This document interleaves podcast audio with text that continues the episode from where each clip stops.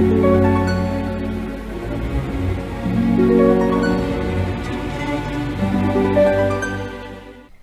Cancer, saya dengan Madam Aza.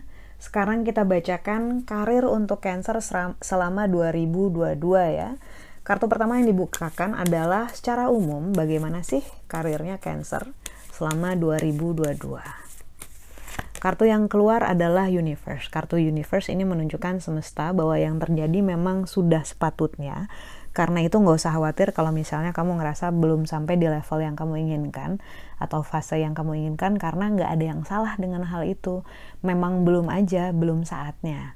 Kartu Universe semesta juga bilang bahwa kamu insya Allah gitu akan memasuki fase yang baru, fase yang berbeda gitu ya. Karena itu nggak uh, usah khawatir kalau misalnya nanti ada uh, ada yang pindah kerja gitu, insya Allah nggak akan kesulitan mendapatkan yang baru misalnya membuka usaha pun akan berkelanjutan, tidak mudah tutup, kita aminkan saja. Karena kartu universe adalah tentang continuity ataupun ataupun keberlangsungan, sambung menyambung gitu ya. Dan dalam berusaha gitu ya, dalam berupaya, ingatlah bahwa semesta saja berproses, begitu juga dengan diri kita.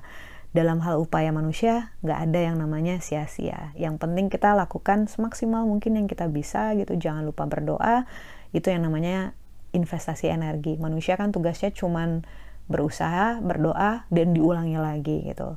Tentu saja dengan mereview ya, cara-cara apa yang bisa dilakukan, diperbaiki, ataupun ditingkatkan. Lalu yang kedua, apa sih yang sebaiknya diwaspadai dalam hal karir uh, untuk Cancer selama 2022? Yang harus diwaspadai adalah kartu The Emperor, energi raja kartu energi raja ini kan menunjukkan adanya kekuatan dominasi, kemampuan, kompetensi ya. Inti dari kartu ini dalam hal dirimu, wahai Cancer, adalah dominasi dan kekuatan. Namun, kita harus bisa membaca situasi dan arah gitu. Yang harus kita waspadai jangan sampai kita come too strong gitu, terlalu kuat atau terlalu dominan di hal-hal yang belum saatnya ataupun pada situasi yang nggak tepat gitu. Contohnya nih, uh, dalam sebuah tim gitu ya, bisa jadi kamu adalah orang yang paling pinter, paling cepat, paling kuat gitu ya dalam mengerjakan sesuatu gitu ya, bikin presentasinya cepat, bisa presentasi dengan bagus gitu. Tapi ritme kamu nggak sejalan sama tim yang lain. Akhirnya uh, ritme mereka mungkin normal tapi ritme kamu lebih cepat dan kamu mungkin lebih kuat lebih dominan gitu ya. Akhirnya dianggap bahwa kamu nggak accepted by your team misalnya contohnya seperti itu. Nah itulah yang dicontohkan lewat kalau misalnya kita ngomongin kartu the emperor gitu. Dan terkadang uh, kartu The Emperor ini juga bisa nunjukin bahwa kita terlalu gaspol di awal, misalnya kita ngerjain sesuatu project gitu ya, kita terlalu kencang di awal tanpa kita sadar kita nggak perlu kencang di awal, kita nggak perlu ngegas di awal, karena ini adalah project yang lama, yang dibutuhkan adalah endurance daya tahan. Yang dibutuhkan bukan kecepatan, yang dibutuhkan adalah daya tahan dan keberlangsungan dari si project ini. Gimana kita bisa manage diri kita dengan baik, tim kita dengan baik, klien kita dengan baik dalam jangka waktu yang lama ketika kita terlalu over di awal ekspektasi klien kan bisa naik juga ya di awal dan itu adalah ibaratnya kayak bumerang buat diri kita sendiri gitu. So kartu The Emperor adalah energi kamu yang besar, energi yang bagus itu gitu ya. Kita harus bisa mengarahkan, menempatkan energi tersebut. Nggak semua-mua harus dikencengin, nggak semua-mua harus dikerasin gitu ya. Kita harus bisa lebih strategis. Tapi kalau ngomongin masalah kekuatan, masalah kompetensi, kemampuan, uh, ini adalah kartu yang bagus. Lalu yang terakhir adalah yang sebaiknya dilakukan oleh Cancer selama tahun 2022 berhubungan dengan karirnya.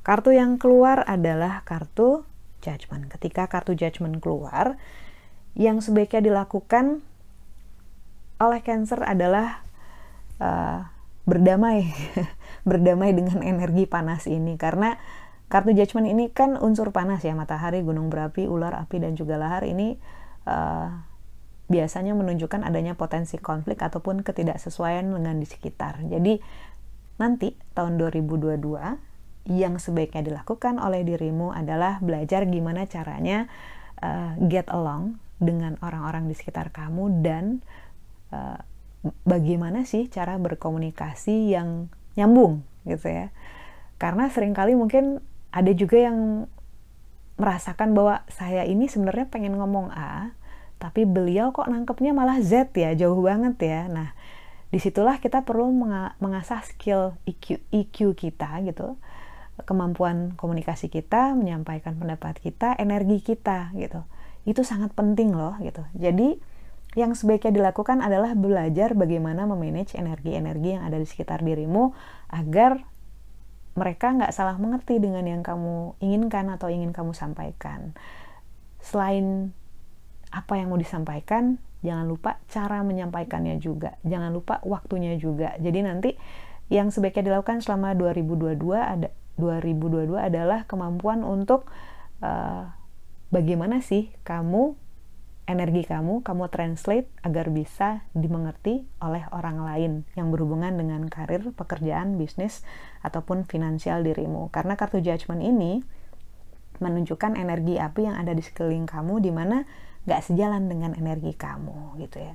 Gak semua orang harus sepakat sama kita, kita pun gak harus sepakat sama orang-orang, gak selamanya gitu. Tapi karena kita adalah orang dewasa dan ini adalah terms dalam hal profesional, gimana sih caranya kita menyelesaikan masalah tersebut, tantangan tersebut gitu ya, project tersebut dengan baik gitu, walaupun nggak selamanya kita harus sepakat.